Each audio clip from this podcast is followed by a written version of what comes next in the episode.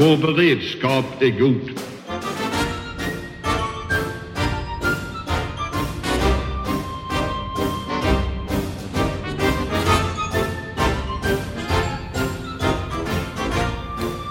Hej och välkomna till Höjd beredskap, en podd från Aftonbladet Ledare. Eh, Jag heter Anders Lindberg och med mig idag har jag från Skåne Eh, Amanda Wollstad, Svensk Tidskrift, sitter nere i Malmö. Och från eh, Skaraslätten. Skaraborg, Annika Nordgren Kristensen, hallå på er. Hallå! Och i cyberrymden. Patrik Oksanen, Tankesmedjan Frivärd. och Johan Victorin från Intil. Ja, och vi har ju precis fått uppgifter här som har kommit i Dagens Nyheter om att försvarsuppgörelsen är färdig. Och vi ska kort eh, bara gå igenom lite av de uppgifter som har kommit ut kring, kring innehållet i, i eh, uppgörelsen. Eh, och det är då Mikael Holmström i, i Dagens Nyheter som har skrivit att nu är då regeringen och januaripartierna, Centern och Liberalerna, överens inför eh, höstens försvarsbeslut och i budgeten.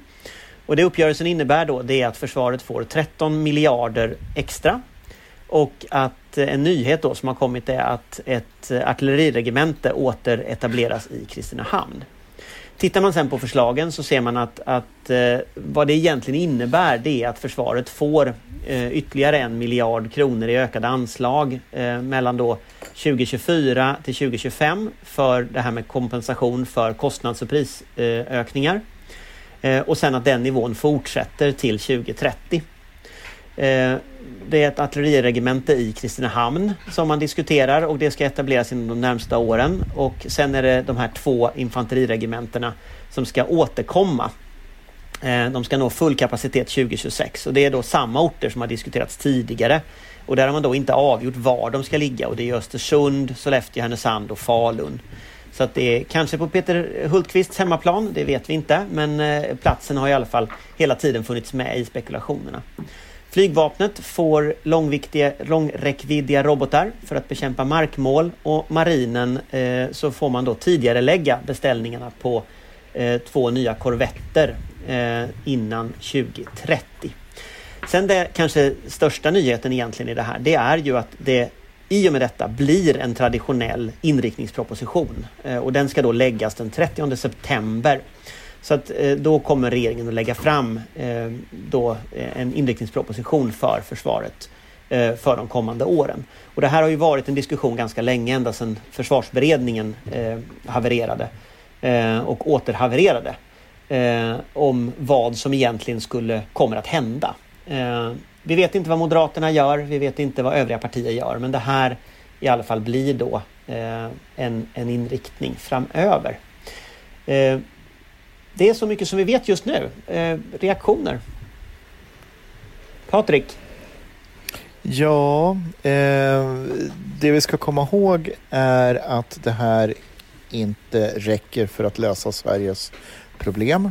Eh, och det kommer tyvärr inte att räcka för att få med Moderaterna och Kristdemokraterna bakom försvarspropositionen, vilket jag tycker är önskvärt att man hade kunnat samlat till en mycket bred och stor överenskommelse om svenskt försvar i den säkerhetspolitiska tid vi är inne i. Så det, så det beklagar jag. Annika, du ser glad ut. Eh, det här är bättre än alternativet om alternativet var att det inte blev en inriktningsproposition, att det hade kommit eh, i budgeten bara då krigsorganisationen väldigt kortsiktigt, ingenting om fortsättningen efter 2025 och så vidare. Jag håller med Patrik om att det hade varit naturligtvis bra om det hade varit en bredare eh, överenskommelse. Eh, det blir intressant att se hur mycket man kommer skriva i den kommande proppen om den kommande kontrollstationen som Peter Hultqvist, försvarsministern, pratade om för ett tag sedan och som jag tror det finns starka intressen eh, som drar å ena sidan åt att inte försvarsberedningen ska göra ett nytt tag kring det. Eh, å andra sidan så tror jag att de här ingående partierna i överenskommelsen, C och L, har varit väldigt angelägna om att inte släppa det politiska greppet om förberedelserna inför kontrollstationen. Så det tror jag är en sån sak som vi fortsatt ska titta noga i de kommande skrivningarna hur det ser ut med det. Men eh, som sagt, man, om man ska vara positiv, bättre än alternativet. Men å andra sidan så har vi fortfarande en, man trycker in mer än vad man vill betala för och man har en högre ambitionsnivå och absolut större behov inom hela totalförsvaret än vad man fortfarande väljer att finansiera. Amanda, är, är Finansdepartementet överkörda nu? Man hade ju hoppats det, men jag misstänker att detta inte är det sista vi kommer höra om detta. Detta känns väl, alltså min spontana tanke är väl detta snarare känns som en eftergift för att slippa den stora konflikten. Och framförallt upplever jag att man fortsätter att fatta beslut i efterhand. Det här är ju ett beslut som vi pratade om var det i början på våren som det var de stora diskussionerna om, om det här med icke uppräkningspengar. Tiden är ju lite speciell så här i coronatider så man minns ju inte riktigt i vilken ordning saker har skett. Men sen dess så har vi ju sett eh, återigen ett kraftigt försämrat eh, omvärldsläge. Vi har hela historien med Belarus, eh, Rysslands eh, inbland, eventuella inblandning där. Vi har situationen kring Östersjön som har varit minst sagt hektisk under hela sommaren. Och återigen så fattar man ett beslut för ett säkerhetsläge som är passerat. Vilket ju dels visar på oförmågan att ta till sig ny information men kanske framför allt oförmågan att för, jag vet inte vilken gång i ordningen, acceptera att så här är världen nu. Säkerhetsläget kan försämras väldigt hastigt vilket innebär att de besluten vi fattar ska inte bara vara anpassade efter dagen eller snarare gårdagen utan för hur situationen ser ut om ett år eller två. Den oförmågan tycker jag nästan är det, det jobbigaste i det här och det gäller ju även finansen. Därför att det här har ju säkert föregått för väldiga diskussioner inom regeringen och Förmodligen så har man väl gett upp någonting annat för att få Magdalena Andersson att gå med på detta för det har hon ju säkert gjort. Kanske för att slippa, slippa den fortsatta diskussionen. Anders, får jag säga någonting om, om precis det Amanda är inne på? Jag tänker dels på att vi ju så gärna jämför oss, det vi lyckas åstadkomma om det sen gäller pengar eller något nytt beslut eller något nytt materiellsystem och så är vi oerhört nöjda med att det är bättre än vad vi lyckades åstadkomma strax eller nyligen. Men vi jämför oss ju sällan med den omvärld som Amanda beskrev. Det spelar ingen roll hur mycket vi lyfter oss i håret och jämför med vad vi kunde förmå oss till för något år sedan eller två eller tre eller tio när omvärlden springer ifatt oss när det gäller förmågan. Eh, och det andra som jag, ja, det kom ju också besked igår om hur man nu skulle finansiera eh, försvarssatsningarna framöver. Vi vet tidigare att det handlar om en bankskatt och nu så ska man höja alkohol och tobaksskatten för att finansiera försvarsområdet. Till skillnad från alla andra politikområden verkar det som så är ju försvaret fortfarande kvar i det här krona för krona tänket. Och eh, skattesänkningar kan man sammanlagt eh, åstadkomma för 30 miljarder kronor ungefär i den storleksordningen. Men det här ska på något vis då kopplas krona för krona samtidigt som vi ser hur omvärlden ser ut. Snabb Johan. Förbryllande. Snabb replik på det Nej, bara. jo. Okej. Nej jag tänkte bara säga det är också rätt fascinerande för det här är ändå statens absoluta grunduppgift att sta skydda våra gränser. Och att man då måste höja skatten på tobak för att garantera det men ingenting annat. Det är ju också tämligen anmärkningsvärt kan man tycka. Ja. Nu vill jag släppa in Johan. Ja, jag tänker att jag håller med mycket av det som är sagt här men jag tänker att det här är bra för Försvarsmakten trots allt. Man får en långsiktighet som man har efterlyst och man har gjort en justering av innehållet. Det vill säga att man tidigare lägger marinstärkningarna, man skjuter lite grann på regementena så att man kan producera dem med officerare som kan utbilda soldater. Och sen en väldigt viktig sak som vi inte haft upp än. Det är att man inför långryckväddig bekämpning mot markmål. Det har vi ju inte haft innan på det sättet med det man menar nu egentligen att skjuta robotar på långa avstånd. Så att man kan slå på en utskeppningshamn eller på en flygbas på andra sidan Östersjön. Och det har vi inte haft. Så doktrinärt betyder det jättemycket för flygvapnet. Och sen har det en annan effekt också. Och det är att det här värnar långsiktig försvarsindustrikompetens. Både när det gäller marinsatsningen och flygvapensatsningen. Så att där tycker jag att man har tagit ett litet tidsperspektiv och liksom balanserat om på ett bra sätt. Eh, sen har vi ju det här som ni har varit inne på. Jag, jag ser vissa likheter nu med 2014. att man, då hade man en beredningsrapport och sen hände krim. Och nu är det saker och ting i, i som håller på och eh, vaggar och skaver och skakar i vårt närområde med Belarus och sådana saker. Vi har ett amerikanskt presidentval som är på gång. Och Gud vet vad som kommer hända under oktober som traditionellt är en ganska svart månad på så att säga ekonomihorisonten. Eh, så att vi kan få en ganska spännande utskottsförhandling så småningom. För det här kan redan vara passé om en och en halv månad. Vi vet inte hur det ser ut helt enkelt. Så kort horisont har vi just nu när det gäller omvärldsläget. Och det innebär ju att den stora frågan är ju det här är fattat på ramen på de överenskommelser och den bild man hade av världsutvecklingen när man gjorde motståndskraft och värnkraft. Men är den alltjämt giltigt? Tog den verkligen höjd för det läge vi har nu? Och det skulle jag ju säga då att jag instämmer med Johan att, att den tar, det här tar inte höjd för det. Men det stora problemet är att vi har eh, en regering som inte klarar av att ta höjd i de här frågorna eh, och inte hänger med. Eh, och jag vill här bara citera vad Johan skrev på Twitter häromdagen. Stormakternas köld är hård, bombplanen gnistra och glimma. Finansen sova i enslig gård, djupt under midnattstimma. Avtalen tar allt raskare slut. Ordningen bryts ner varje minut. Ordningen bryts ner, det är saken. Endast finansen är inte vaken. Du borde bli poet Johan, helt klart. Det var ju faktiskt Rydberg. Så att... Men jag tänker på det här som du sa nu med de här nya systemen. Eh, mm. För det här med, med långräckviddig markmålsbekämpning är ju lite intressant just att, att för det här är ju på ett sätt att föregå en diskussion som vi inte har haft i Sverige. Alltså vi har mm. inte pratat. Eh, det har varit någon diskussion om kryssningsmissiler och lite sådär att det vore bra. Och så blir någon arg och säger att det ska stå robotar och så blir det liksom en diskussion om, om, om terminologin. Vad menar vi egentligen och sådär. Eh, och vad, vad, tänker du att det här betyder när man så tydligt lyfter fram det som en, en, en åtgärd här? Det är ju ett ganska ja, det, offensivt det sätt att, att, offensivt vapen. Det innebär då att doktrinära diskussioner som har pågått inne i Försvarsmakten och i alla försvarsmakter när det gäller luftkrigföring och, och dess roll i krigföringen.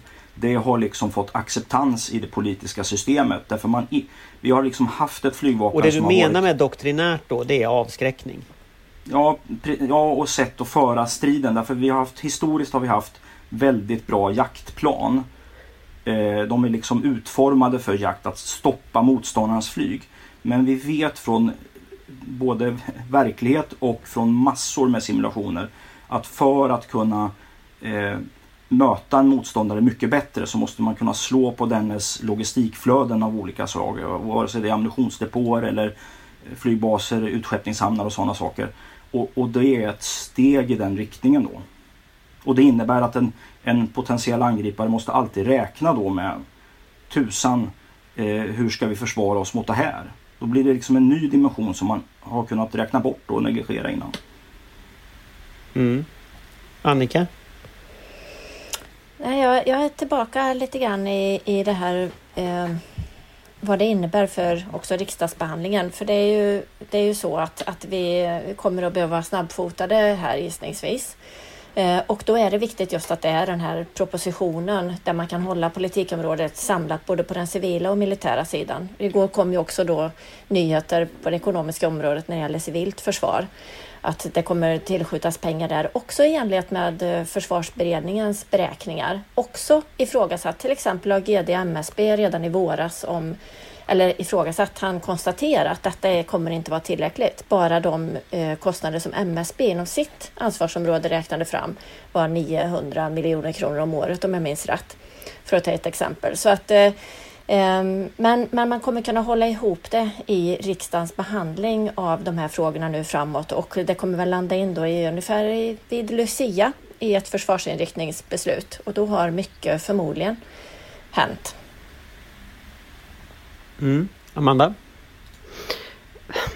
Nej men jag vet inte, det, det är ju på något sätt det känns ju som vi har haft den här diskussionen bara under den här tiden den här podden har pågått ungefär tre gånger tidigare.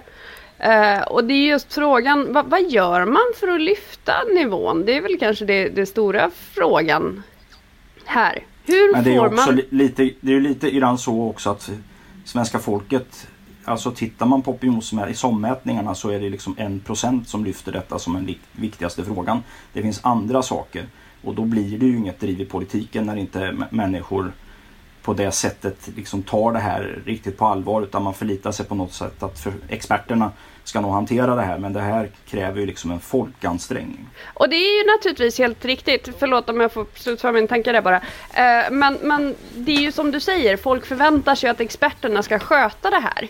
Och har man inte i regeringsläge ett ansvar för att se till att liksom statens kärnuppgifter fungerar någorlunda.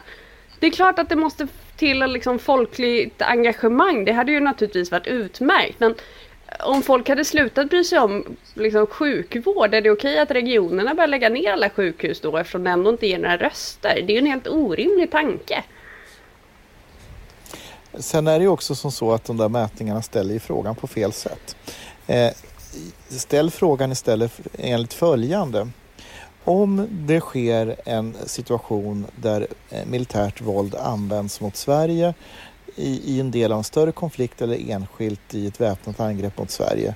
Tycker du då att Sverige skulle ha satsat mer pengar på sitt försvar än vad man gör idag? Mm. Men det är ju väldigt svårt, alltså den här typen av mätningar är ju svåra att hänvisa till men, men de är grund... Jag tror, jag tror att det är rätt att politikerna tänker ju så. Politikerna är ju lite, det är lite kvartalspolitik. Eh, man, man tittar vad är nästa liksom DN Debatt, nästa Aktuellt Debatt man har och sådär. Men om man, om man tar lite, man knyter tillbaka till en sak som ni sa förut som jag tycker eh, vi kan borra lite i. Om det här nu läggs fram den 30 september, den här inriktningspropositionen, och så, så räknar vi med att den beslutas i, i, i år. Det blir väl någonstans i slutet, om den kommer kanske som du sa i Lucia-trakten där, kanske beslutas sista veckan innan jul. Eh, och, och, och sen så, så har vi då en inriktningsproposition. Från 30 september tills dess så kommer USA att ha ett presidentval. Eh, vi kommer att ha eh, återigen rapporter som vi har hade så sent som igår om rysk inblandning i det amerikanska presidentvalet eh, för att sänka Biden. FBI-chefen var ute och varnade för det. Vi, vi har sett Belarus kommer ju sannolikt ha landat någonstans Navalny har ju antagligen åkt tillbaka till Ryssland. Han verkade ju pigg och glad igen och verkade vilja åka tillbaka. Vi kommer ju säkerligen att ha sett utvecklingar i Mellanöstern. Vi har sett Eh, Trump med hans de här kan tycka vad man vill om de här fredsavtalen men han rör ju runt i alla fall eh, i Mellanöstern rätt rejält. Eh, och vi ser Kina som på alla dess sätt är ute och försöker påverka Europa, USA och så vidare. Det här kommer att ha hänt mellan de här två punkterna. Var befinner vi oss då? I, alltså, var befinner vi oss när vi, när vi firar Lucia i relation till detta? Ja, du glömde en viktig sak till. Eh, Brexitförhandlingarna med Storbritannien. Som ser ut att gå väldigt dåligt. Ja, precis. Jo. De ska bryta internationell lag. Som också påverkar vår säkerhet. Ja, så att vi, vi, worst case scenario är ju helt enkelt att vi står i en, i en väldigt trasig värld i, i december som är mycket värre än idag. Best case, ja då, då, då, då kanske det här försvarsbeslutet eh, kan upplevas som, som okej. Okay. Men, men det är ju inte, då pratar vi verkligen best, best, best, best case. Eh, så att vi spelar rätt högt på, på riskbordet just nu. Och eh, i det spelet på riskbordet så borde man då klara av att sluta breda politiska överenskommelser för rikets bästa.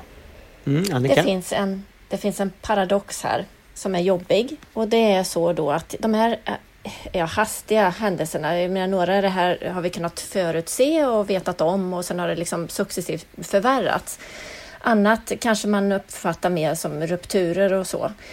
Men försvarsförmåga i bred bemärkelse, både på den civila och militära sidan, är ju inget då man stampar fram på en vecka eller ens en månad eller ens ett år. Och det innebär att den här hanteringen under hösten politiskt av en inriktningsproposition och pengarna och allt sånt, man vet då att det man eh, gör, kan göra i den och samla ihop sig kring den, det får ju inte omedelbar effekt på det här sättet som vi beskriver de här stora kontinentalplattorna som är i rörelse eh, man stampar liksom inte fram vare sig materiel eller personal eller något annat som är ingredienser i svensk förmåga med mindre än att man gör de investeringarna i god tid innan man liksom kan använda sig av dem så att säga. Och, och där gör, å ena sidan så brister förståelse för att det är just de här långa ledtiderna. Å andra sidan så är det också så att det kan lägga lite hämsko på den här känslan av att nu är läget liksom brådskande därför att man just inte får den här omedelbara effekten på det, de åtgärder man vidtar. Och då kan man liksom lite grann bortse från det, att man gör inte den här kopplingen som ni beskriver nu mellan vad man ägnar sig åt i utskottet kring den här propositionen och omvärldsutvecklingen. Hur man ska komma till rätta med det och få det mer långsiktigt i bemärkelsen att man är tidigare ute i de investeringarna, det är jag inte människa att, eh, att begripa. Men helt klart är att vi behöver dra lärdomar av detta in i nästa försvarsbeslutsprocess och kanske då inför kontrollstationen närmast 23. Hur riggar vi den för att det inte ska bli så här, och nu pratar jag inte om resultatet utan de här konvulsionerna vi haft politiskt under hela våren och sommaren fram tills idag. Mm. Lärdomen drog vi ju efter 1925 års försvarsbeslut och vi rustade ner och 1936 års försvarsbeslut och vi började rusta upp. Eh, och vi hann inte rusta innan andra världskriget kom och det var ju att ligga på en, på en, en hög nivå. Den lärdomen glömde vi bort på 90-talet och skrotade helt på 00-talet. Ja, jag tänker Amanda, du, är ju, du, är ju, du kan ju Moderaterna och eh, liksom debatten som förs där. Eh, om man förstår Mikael Holmströms artikel när man läser den så är det uppenbart att Moderaterna är ju den frånvarande faktorn här eh, som inte är med. Det finns ingen citat från Moderaterna och de har inte kommit med någon, något svar än. Alltså, vad, vad tror du, hur tror du att oppositionen resonerar givet den här utvecklingen? Vad kommer man att göra? Nu har jag inte hunnit prata med dem eftersom det här kom så nyligen. Jag misstänker att jag får en kallelse till eh, presskonferens vilken minut som helst. Eh, men Moderaterna och även KD har ju krävt mer pengar. Det intressanta kanske inte minst gällande bristen på uttalande i den här DN-artikeln det är ju huruvida de överhuvudtaget har varit med och diskuterat, förhandlat om det här. Och då är väl kanske snarare frågan om de har varit inbjudna av eh, regeringen och januaripartierna eller om man har valt att lösa det här Antingen för att man vill sköta det internt eller för att man inte har trott att det ska vara fruktbart, vilket man i och för sig hade rätt i därför att eh, Moderaterna och KD har ju satt ner foten och vill ha ett betydligt större tillskott. Det här, det här är ju, om vi tittar på DNs rapportering så, så framträder ju bilden att det som har skett nu på slutet är ju att hela, hela liksom försvars departementet och försvarspolitikerna har ju varit bortkopplade. Utan det här har varit en förhandling på, på partiledarnivå, det vill säga att det är ju eh, Stefan Löfven, det är Miljöpartiets språkrör, det är Nyamko Sabuni och, och Annie Lööf. Det är där frågan så att säga så småningom då har har landat och då har ju inte Moderaterna och Kristdemokraterna varit med i, i, i det men, här. Men betyder det att det här blir en valfråga 2022? För nu, nu pratar vi ju någonstans om att det här är någonting som börjar genomföras eh, vi är ju bara halvvägs in i nästa planeringsperiod då så att jag menar det, man kan ju göra saker i det läget också. Alltså hur länge står sig det här? Ja, det här står sig inte längre än till, till Eh, till, till 2023. Vi kan ju hoppas att det blir en valfråga som Johan tog upp tidigare. Det behövs ju en publik opinion kring det här. Eh, och det gör det ju även, vi kommer in på det lite senare i programmet, tror jag, civilförsvarsfrågan där jag tror att coronaepidemin har varit ganska eh, bryskt uppvaknande för många. Eh, men för att det ska bli en allt är ju inte politik för de flesta människor och gott så. Det hade ju varit en fullständigt olidlig värld att leva i. Men det innebär ju också att de som faktiskt anser sig vara folkets första företrädare, främsta företrädare också måste ta ett ansvar för den politiska debatten. Eh, vilket innebär att jag tror att partierna behöver lyfta försvarsfrågan och visa att de prioriterar det och visa det på de hål som finns för att få till en opinion. Så blir det en, en, en, oavsett vad som blir utfallet sen och det kan man ju dividera om så hade det väl varit utmärkt om det blev en valfråga. Ja tyvärr är det ju som så, min bild i alla fall, att, att nu väger takti, partitaktiserande över eh, till, till förmån istället för, för det övergripande nationella intresset. Eh, och att det finns olika politiska viljor att få till en, en, eh, en, en ytterligare en konfliktyta att, att ha den och få till en, en bild av, av, ett, eh, av en sån här uppdelning där, där, mellan partierna. Men, istället för att få en, en bred överenskommelse. Det, tyvärr tror jag att det har spelat Men Ska vi ta klivet över till civilt försvar? Eh, vi, vi, det kom ju besked igår, precis som Annika sa, kring utvecklingen av det civila försvaret. Och vi befinner oss ju just nu i en situation där det väl har blivit uppenbart för alla eh, att det inte riktigt var som vi trodde att det var. Och jag tror att det är lite, jag tror att det var Ingvar Persson på, på ledarredaktionen som beskrev det som att det, det här är, det är på något sätt politiken idag, det är som när man tar liksom räkningarna man får och så lägger man dem längst ner i högen hela tiden. Eh, sen förr eller senare kommer de liksom upp. Du är tvungen liksom att konfrontera de här räkningarna du har fått. Och civilförsvaret var väl precis en sån fråga. Du hade liksom ingenting av det du trodde att du hade. Eh, och igår kom besked om, om satsningar på civilförsvaret från regeringen. Eh, Annika, du har följt det här under väldigt lång tid. Va, vad tänker du? Ja, civilförsvar har vi inget, men ett civilt försvar har vi. Ja, och det är det man väljer, att, det är det man väljer att, att, satsa på. Och då har man konstaterat att man kommer tillägga då, eller lägga till, tillföra en miljard kronor 21 och sen så ska man stegvis öka detta under kommande år och så blir det Eh, 4,2 miljarder 2025 och det är i linje då med försvarsberedningens förslag i den nu flera år gamla rapporten Motståndskraft. Så att det, det är, man har liksom landat tillbaka på vad försvarsberedningen konstaterar då. Och så pekar man ut ett antal områden. Man säger naturligtvis att detta kommer specificeras i den kommande inriktningspropositionen. Eh, men man pekar ut ett antal områden och där är hälso och sjukvård mot bakgrund av den aktuella pandemidiskussionen, livsmedel, dricksvatten, transporter och så vidare. Man pratar också om säkerhetsskydd och cybersäkerhet, att det ingår i den satsningen. Eh, och det, det, man kan konstatera det är väl ungefär lite grann i likhet med vad vi sa på den militära sidan då, att detta var ju då vad beredningen räknade fram och pekade på för flera år sedan nu. Och vi har en utveckling som har fortsatt sedan dess och behov har illustrerats på olika sätt, även om det har varit inom krisberedskapen och inte civilt försvar under pandemihanteringen här som vi har levt med ett halvår. Ehm, jag tror att det är helt rätt att man väljer att följa upp det beredningen skrev. Det hade fallit, eh, ena benet hade inte fungerat i totalförsvaret om man hade haft eh, en, en inriktningspropp utan att komma någonstans på det civila området. Men som jag var inne på lite grann, man har redan kunnat eh, läsa GD MSB som då har sagt att det här är inte i närheten av vad som krävs. Man har haft under våren ett, ett stort underlagsarbete i de bevakningsansvariga myndigheterna där de har lämnat in. Vad kostar det om de skulle göra det här som beredningen har sagt, alltså den ambitionsnivån? Och det är lämpligt nog i stora delar sekretessbelagd information därför att det är hård läsning. Det är liksom, eh, tufft att se vilka investeringar som vi skulle behöva göra. Men återigen, om vi ska vara positiva så är det bättre än eh, om det inte hade blivit någonting. Naturligtvis är det så. Och framförallt att man visar också då att man tar beredningens allvarliga syn på att totalförsvaret måste vara en sammanhängande helhet på i någon mån allvar då i alla fall. Jag tror att det är som du är inne på slutet att det är en process det här. Alltså det går inte att hälla ner pengar i det här för det finns ingen förmåga i förvaltningen att tillgodogöra sig de här medlen utan det här, man startar ju i princip från noll. Eh, så att man kommer liksom ha fullt sjå med att se till att bygga det här och det är det som är det är den enda större risken som jag ser. Det är ju att organisationerna är så anorektiska.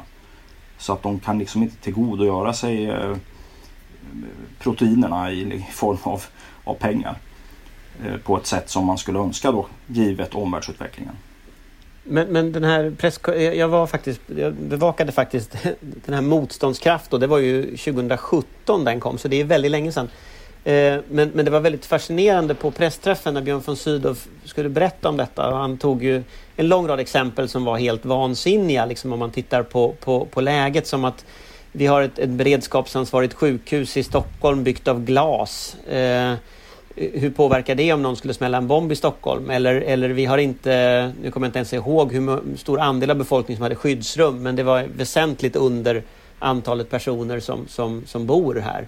Och sådär. Han, det var ju massa sådana exempel han tog mm. som var helt vansinniga liksom. Och som är i modern tid avvecklat eller uppbyggt så att säga men inte utifrån de här behoven.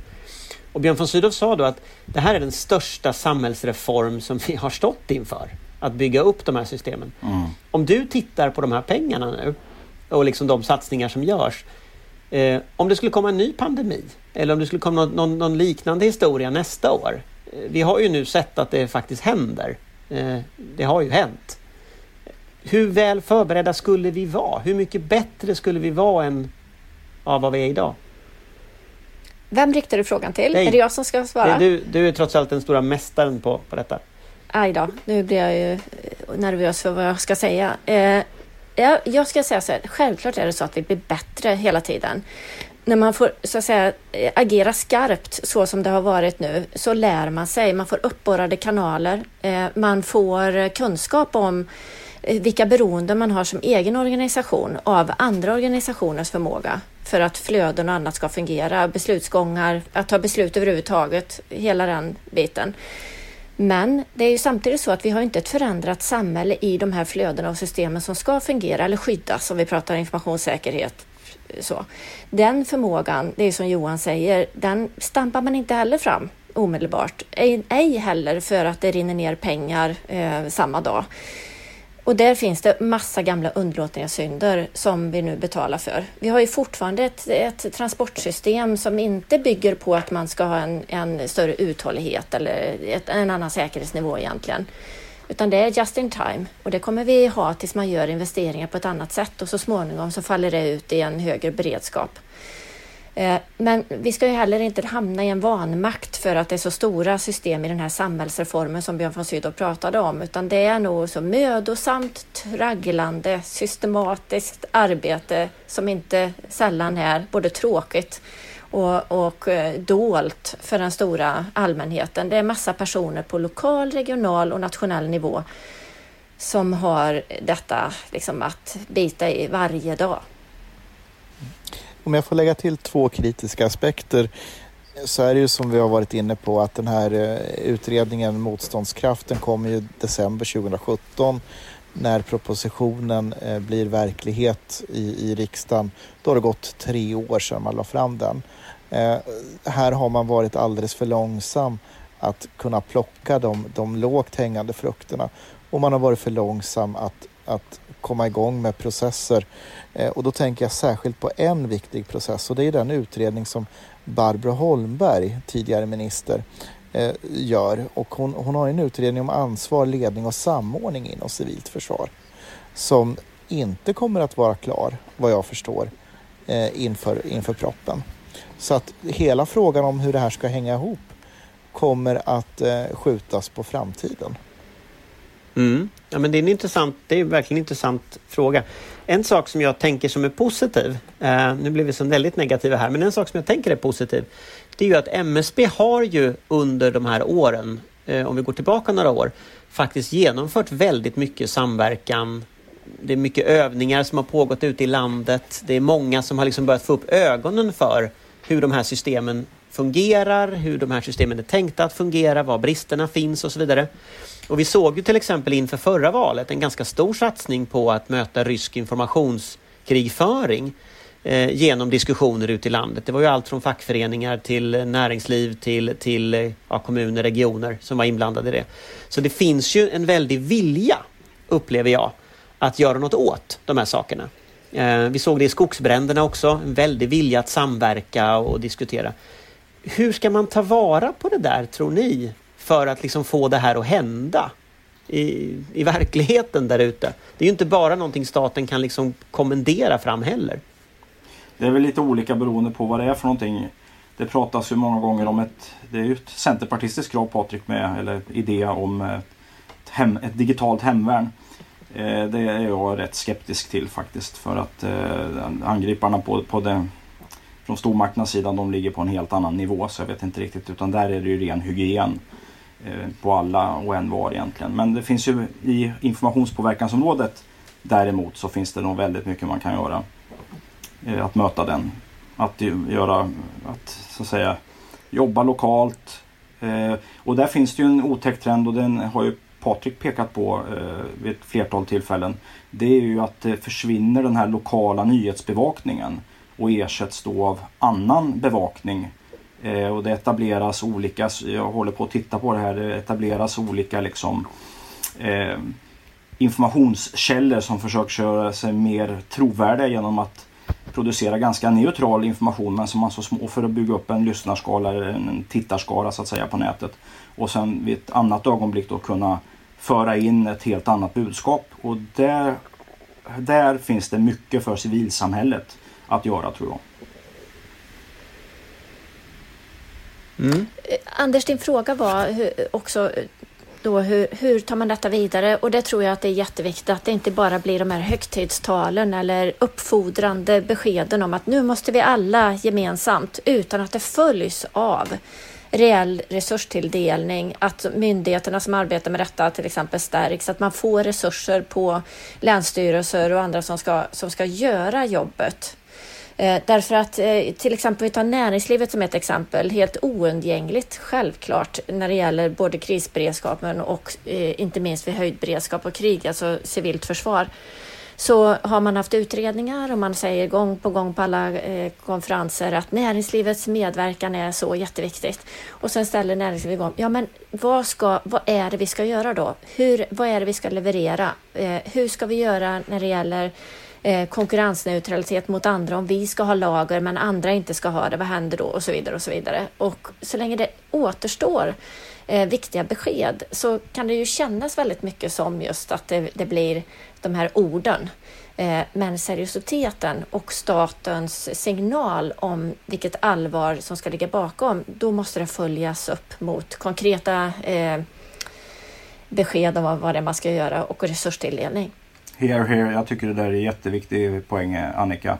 Alltså just det här med ersättningsfrågan också. Det ska ju inte kosta någonting. Eh, eh, från så att säga politikens horisont. Men vi vet ju alla att det tar ju kostnader om man ska hålla lager eller hålla någon form. Det måste ju finnas någon form av kontraktuellt eller avtal mellan stat och näringsliv i de här frågorna. Ett näringsliv som dessutom inte i viktiga sektorer är svenskt kontrollerat heller. Så att det finns ju mycket komplikationer i det här. Jag tänkte att vi kanske ska gå vidare till eh, ett, ett annat ämne som vi har, har diskuterat eh, i den här podden ett antal gånger och som ju ligger, eh, kan man säga, snarare i frågan om vad hotbilden egentligen är. Eh, det var en diskussion som vi har förberett. Jag vet inte, eh, vi tänkte... Nu ser på, Ja, men jag, jag tar, jag tar ja, tråden. För, för det tanken är att vi tänkte att Patrik skulle på... inleda lite här. Så du, du får tråden ja. nu Patrik. Ja, jag snor den om jag inte får den så att nu kör jag på. Eh, det händer ju en hel del just nu på, på området när det gäller Kina. Eh, och där ser vi att Kina sedan ett antal år tillbaka har gått på, på offensiv helt enkelt att trycka till våra västliga demokratier och vår debatt. Ehm, de har försökt tysta kritik med ekonomisk press. Så jag tänker på Norge som ett typexempel. Om ni kommer ihåg Nobelpriset 2010 som Liu Xiaobao fick med reservation för mitt kinesiska uttal. Han, han eh, var ju oppositionell eh, och det här ogillades av, av Beijing och då hamnade Norge i ekonomiskt kylskåp med strypt handel och frysta kontakter tills man bad om ursäkt sisådär sex år senare. Eh, och här i Sverige har vi upplevt ett ökat tryck när vi fick en ny ambassadör och jag gick ju för en tid sedan igenom alla de här uttalanden som ligger på ambassadens hemsida åt Fri Värld och det är 67 uttalanden med angrepp på svenska politiker, journalister, debattörer, människorättskämpar, myndigheter och medier. Och naturligtvis är Gui Minhai i topp men många andra har återkommande hängts ut och, och känsligast är det just då när det handlar om mänskliga rättigheter. Det är då som Kina blir som mest skogstokig i att eh, eh, protestera. Eh, och det här kombineras ju med andra saker som ambassaden gör som brev från ambassaden som man skickar till redaktioner och enskilda där man, där man klagar, högljudda uttalanden, intervjuer från ambassadören. Och man säger hela tiden att vår svenska öppenhet och rakryggade försvar av mänskliga rättigheter att det är lögn och man skadar relationer till Kina och det får konsekvenser. Sen kan man ju lägga till andra eh, psykologiska grepp som en diktatur kan göra för att påverka det här ytterligare. Eh, men vi ser också att Kina blivit mer och mer aggressiv i sitt tonalitet här under covid-19 pandemin för att vända bort frågan från fiaskot i, i Wuhan-provinsen. Eh, och till exempel när Australien gick ut och krävde en oberoende utredning ja, då, då, då svarade ju Kina med blixtsnabbt försämrade relationer och kinesisk diplomat som pratade i termer om Julius Caesar och Brutus. Där, där Australien skulle vara Brutus för att man krävde en oberoende utredning som högg Julius Caesar Kina i ryggen. Eh, liknelsen tycker jag själv där är rätt fascinerande helt enkelt. Sen har vi ju förtrycket i Xinjiang-provinsen, eh, säkerhetslagarna i Hongkong eh, och det gör ju att det finns ju mycket att reagera på just nu och EUs toppmöte med Kina nyligen kan inte beskrivas som, som någonting annat än rätt resultatlöst. Och där tyckte jag också att det var intressant i veckan att lyssna på EU-kommissionens ordförande Ursula von der Leyen eh, som var väldigt tydlig i State of the European Union, talet som hon håller inför Europaparlamentet. Där beskrev hon Kina som en förhandlingspartner, en ekonomisk konkurrent och en systemrival där EU står för mänskliga rättigheter och demokrati, vilket då Kina inte gör. Eh, och så konstaterade hon So we must always call out human rights abuses whenever and wherever they occur, be it on Hong Kong or with the Uyghurs. But what holds us back? Why are even the simple statements on EU values delayed, watered down, or held hostages for other motives? When member states say Europe is too slow, I say to them to be courageous and finally move to qualified majority voting, at least on human rights and sanctions implementation. Så, så frågan är, hur ska vi hantera Kina och, och har Sverige modet att, att vara ett av de här länderna gå före för att vår officiella Kina-politik är ju hela tiden att vi ska göra saker genom EU. Men det här säger nu EU-kommissionens ordförande i praktiken, gå före och kör på. Räcker Johan upp handen där? Nej, jag det bara min Men jag kan säga någonting absolut eh, om, om Kina. Det finns ju mycket. Vi har ju också sådana här stormaktsgrejer som är eh, skärmytslingar med Indien. Vi har aggressivare uppträdanden mot Taiwan. Eh, vi har, apropå det här med EUs toppmöte, man la ett eh, sanktioner, förbud på import från tyskt fläskkött. Eh, så man använder ju det här aktivt och då vill jag komma tillbaks till det amerikanska presidentvalet. För nu har ju den nuvarande administrationen infört då eh, handelsförbud när det gäller produkter från eh, Xinjiang. Kommer rita om bomullsproduktionskartan kraftigt kommer det vara möjligheter för stater i Afrika etc. att, att producera eh, och ersätta det då. Men min poäng är här att får vi Biden som president då får vi kanske en ännu tuffare Kina-politik. Och då till skillnad från när vi växte upp då var det liksom en ideologisk kamp och det kanske det är på ett stycke också men det blir liksom mer maktbaserat här nu i en multilateral värld. Där Sverige som en småstat måste då manövrera med, med de medel som vi har för att befrämja våra intressen. Och här kommer vi nog att känna av en hel del klämda grejer mellan de här aktörerna. Framförallt Kina och USA. Så att, och det är liksom ingen slump att de här påtryckningarna pågår mot Norge, eh, mot Sverige. Och det här är ett väldigt intressant område ur kinesisk horisont eftersom det erbjuder andra vägar till Europa, eh, framförallt maritimt. Och där ser vi också att amerikanska flottan nu förbereder, det är ju faktiskt världens största flotta, de ska ju bli ännu större nu för att kontra den kinesiska. Det pågår väldigt mycket eh, som vi kommer få liksom känna av eh, de här. Och återigen då till det här försvarsbeslutet. Den Kina-diskussionen fanns ju inte riktigt 2017, 2018, 2019 utan det är ju först nu sista året, åren som vi har vaknat när det gäller det här.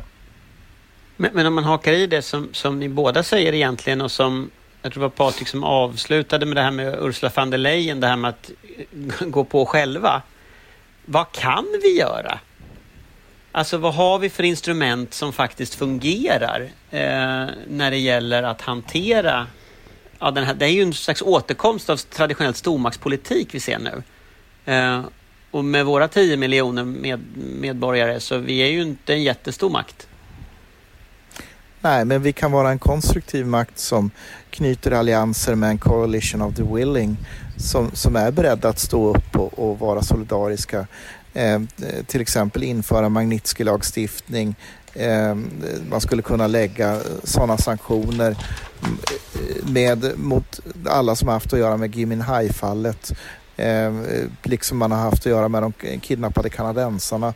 Så att man skulle kunna jobba med Kanada, Australien eh, och andra länder som är villiga att, att ta den här striden istället för att vänta på en enighet i EU där du har en rad länder som sitter lite för djupt i kinesiska ekonomiska intressen.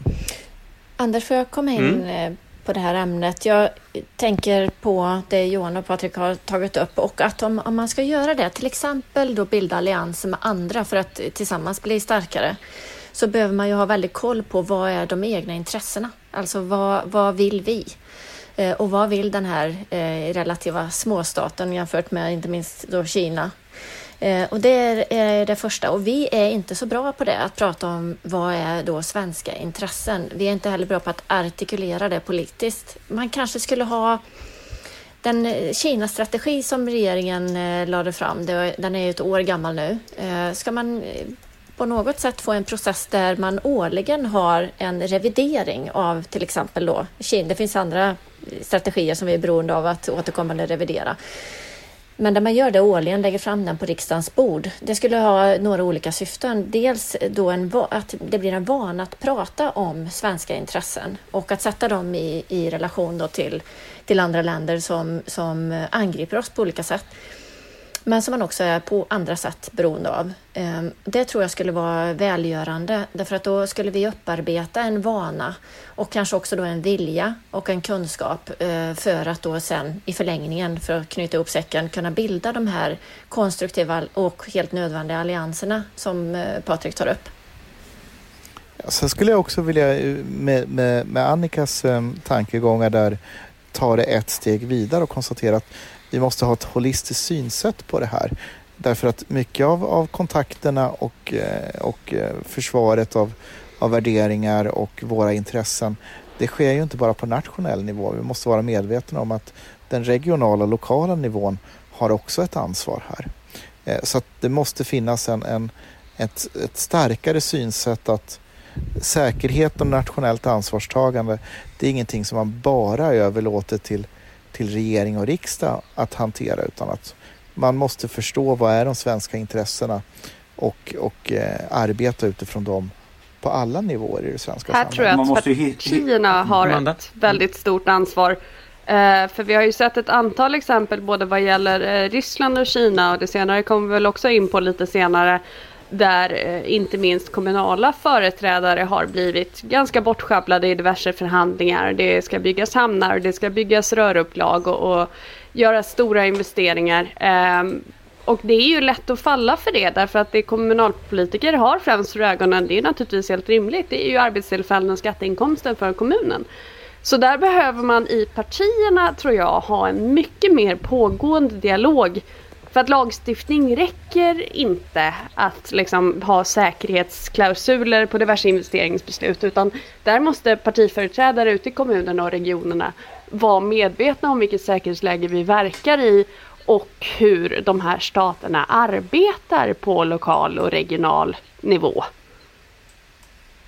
Samtidigt så får vi heller inte bli slöa. Nu, det här är då ingen invändning mot dig Amanda, men vi får ju inte bli slöa i tanken heller så att vi blir helt svartvita och säger allt som kinesiskt är värdelöst. Utan det finns ju eh, så att säga, kapitalinjektioner som med, med Volvo eh, som kanske inte hade överlevt om det inte hade kommit kinesiska pengar. Så att man måste ju liksom vara mer precis i vad är det som hotar våra intressen. Och då är vi tillbaks till Annikas definitioner igen. Att man har det här lite tydligare och har det levande hela tiden. Så att då blir det mycket lättare för alla att agera på olika nivåer. Och vare sig om man är kommunalråd i, i en västsvensk kommun och blir uppvaktad av delegationer och kunna ta ställning till att ja, det här är, det här är okej. Men det här är inte okej. Okay. och, och, det kan ju gälla andra stater också. Så att eh, det, vi kommer ju fortfarande ha ett utbyte med Kina och måste ha det eh, av olika skäl. Och det finns ju ett mellanmänskligt, det är ju samma sak med Ryssland. Så att man får liksom inte glömma bort den dimensionen heller. Och det är ingen av oss som Nej, gör det. har du helt rätt i. Ehm, och, eh, men där har vi ju till exempel svårigheten att man inte klarar av att se skillnaden. Vi har ju ett exempel i Uppsala med ett, ett kommunalråd som är, är politisk vilde Ja, kan du berätta som, lite om den historien? För den tror jag, den spökar lite här i diskussionen hör jag, när vi pratar om lokal nivå. Ja, ja nej, men i, i korthet så, så ordnar i fredags för en vecka sedan så ordnar eh, eh, då en, en tidning som heter Nordic Chinese eh, eh, eh Times och en, en eh, sån här svensk-kinesisk vänskapsförening ett evenemang eh, om, eh, med fokus på Xinjiang-provinsen i Uppsala och medverkar där gör eh, det här kommunalrådet. Och eh, medverkar gör också Kinas ambassadör som lägger ut texten på, på, på hur fint och bra allting är i Xinjiang-provinsen. Eh, och eh, till och med så pass mycket skriver man på den kinesiska ambassadörens hemsida att man skriver först att Uppsala kommun är, är medarrangör till det här. Eh, men det är en uppgift som, som sen får strykas. Det är bara den här personen som, som är med på mötet som, som eh, gör att ambassaden skriver att kommunen var medarrangör.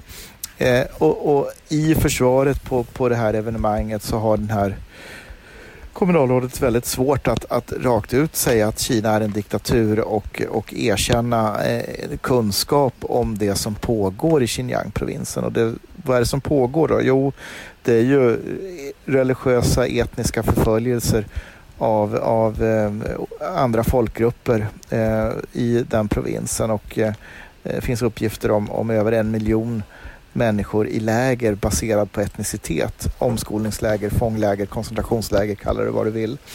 Eh, och dessutom så finns det uppgifter om tvångssterilisering eh, på en nivå som beskrivs av vissa experter som ett, ett demografiskt folkmord eh, som pågår. Eh, och det här blir ju inte riktigt snyggt eh, sett utifrån våra svenska värderingar eh, att eh, låta den här propagandabilden om, om att eh, saker och ting inte är som de är i Xinjiang-provinsen sätta sig.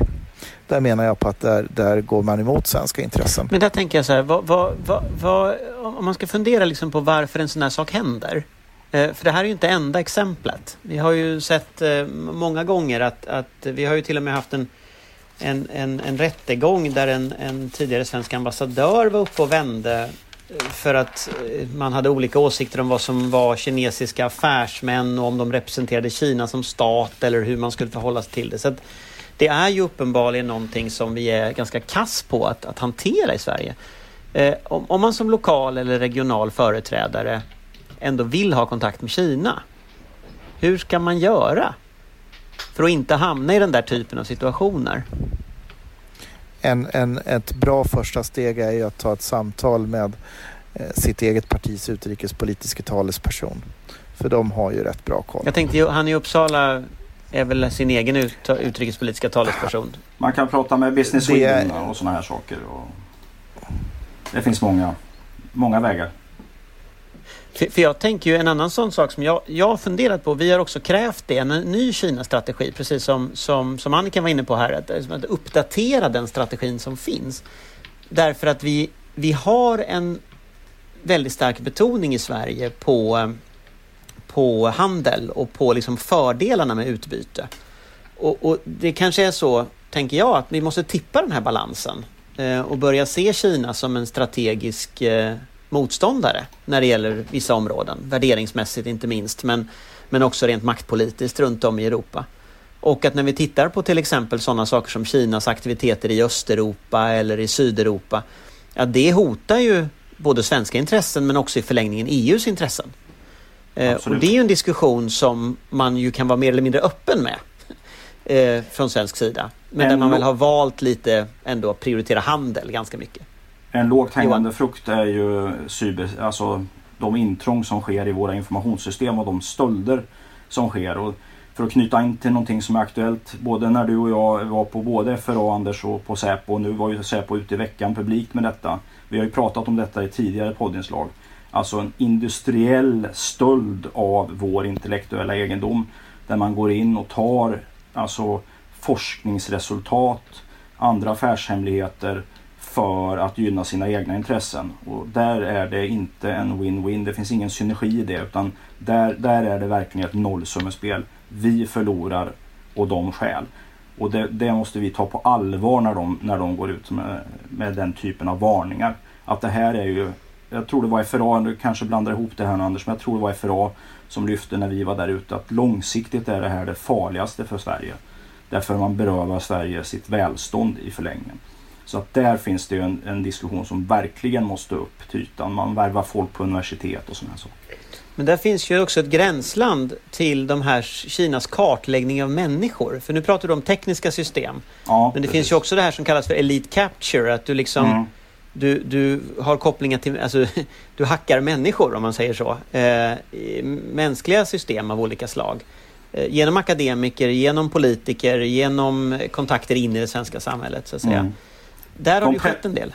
Absolut, det var ju ute en nyhet i veckan då om att ett, ett kinesiskt bolag hade samlat ihop 2,4 miljoner personprofiler, biografier över, över olika beslutsfattare som skulle kunna vara intressanta. Det är ett slags grundbearbetningsarbete man gör för att ha en kortare startsträcka eh, om man vill då komma i kontakt och värva människor för att få reda på information eller å andra sidan också påverka eh, det svenska samhället på olika sätt eller EU vad det nu månde vara för någonting. Och då har man ju då gjort en sån grundläggande kartläggning av alla människor då när det gäller eh, personalia kan man säga.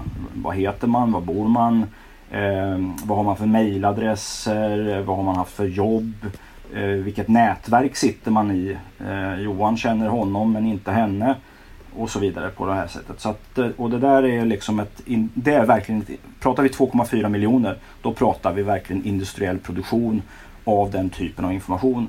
Och då kan man sen då i sin, i sin eh, hantering då när man håller på att jobba med underrättelsetjänst, vare sig det är påverkan eller det är att stjäla eh, grejer, ha det som en väldigt bra startpunkt.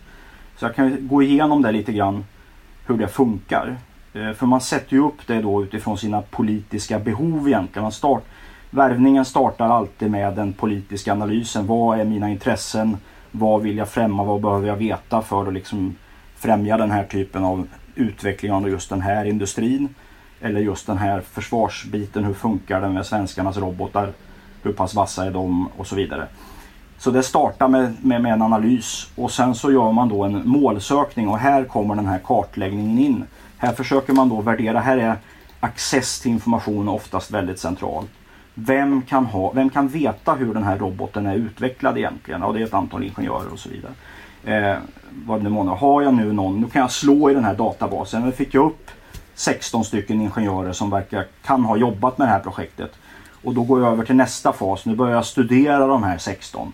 Då tittar man på exempelvis er fyra, vilket jag då roade mig själv med att göra en minut på varje, så är ju ni fyra är ni ju högre underrättelsemål än vad jag är, har jag kommit fram till ganska lätt. Och Anders, du eh, sitter som Är politisk redaktör på Aftonbladet. Du känner troligen flera ministrar. Amanda, du är chefredaktör för Svensk Tidskrift. Mycket intressant att komma in där och få veta vad som pågår. Annika är särskild ledamot i Försvarsunderrättelsedomstolen. Ett oerhört intressant mål för en underrättelsetjänst. Och Patrik har sitt nätverk och sitter då på Free, World, eh, så, va? så att det är ju ni. Ni är accesspunkter på olika sätt. Och därför är då ni antagligen med i en sån här typ av grundbearbetning egentligen. Ni borde vara det i alla fall. Så att man studerar då och försöker man hitta eh, grejer och här var det då kineserna, då säger ju amerikanarna, har stulit Office of Personal Management, jag tror det var 2014. Man gick alltså ner och stal hela säkerhetsprövningsprocessen kan man säga. Då får man ju hjälp av amerikanska myndigheter också. Och då kanske det står, nu tar jag det här bara som ett exempel, att Anders har begått eh, den här saken. Eller person X, det är kanske är lättare att prata om en annan person. Ingenjören som jag nu har identifierat som har tillgång till hur den här roboten är utvecklad. Hans mejladress har jag och där fick jag en matchning i en, en datingdatabas där hans namn har kommit för ett år sedan. Eh, fick jag den datadumpen och där har jag hans användarnamn. Låt mig nu sätta fem stycken skönheter på detta och försöka få kontakt med den här personen. För att sätta honom i en situation. Alltså då försöker man alltså närma sig vilket då är nästa steg. Och sen är det lite olika sätt. Man försöker då på olika sätt så småningom utveckla vänskap. Jag kan säga att den här närmande processen är det som är farligast för en sån här makt. Då. För där det kommer in en ny människa på något sätt i ens tillvaro. Och där får man vara då lite på sin vakt då. Det, det är ju ni fyra förstås. Men, men eh, gemene man som har tillgång till information som kanske inte är så van vid det måste vara lite grann på sin vakt när nya människor kommer in helt plötsligt i ens liv. Och så försöker man odla en vänskap och så till slut så sitter man fast i en, i en värvning. Eh, efter att ha då kanske lämnat över information som är helt ofarlig. Man, liksom, man odlar ett beteende i det här förhållandet. Så att det här är, det är väldigt liksom, processstyrt. Det finns en metod för detta och den använder alla. Så det är ingen hemlighet. Men om man, om man har en bas på 2,4 miljoner människor, liksom, hur många mm. spioner får ut av det? Alltså det, jag tror inte att du får ut sådär. Det beror helt och hållet på vad du har för så att säga vaccinnivå liksom, hur, många måste du, hur många måste du... Hur, hur brett nät kastar du för att få fatt på din information som du är ute efter? Nej, jag, det är lite svårt att svara på det för att traditionellt sett så har du jobbat med mer precision. Men jag har en bild av att stormakterna jobbar lite mer freelancing så att säga. Man är inte lika noggrann nu som man var. Förr var det liksom väldigt petigt och sektionerat. Och här, om man tittar på de här eh, fallen som var med Anna Chapman i USA exempelvis.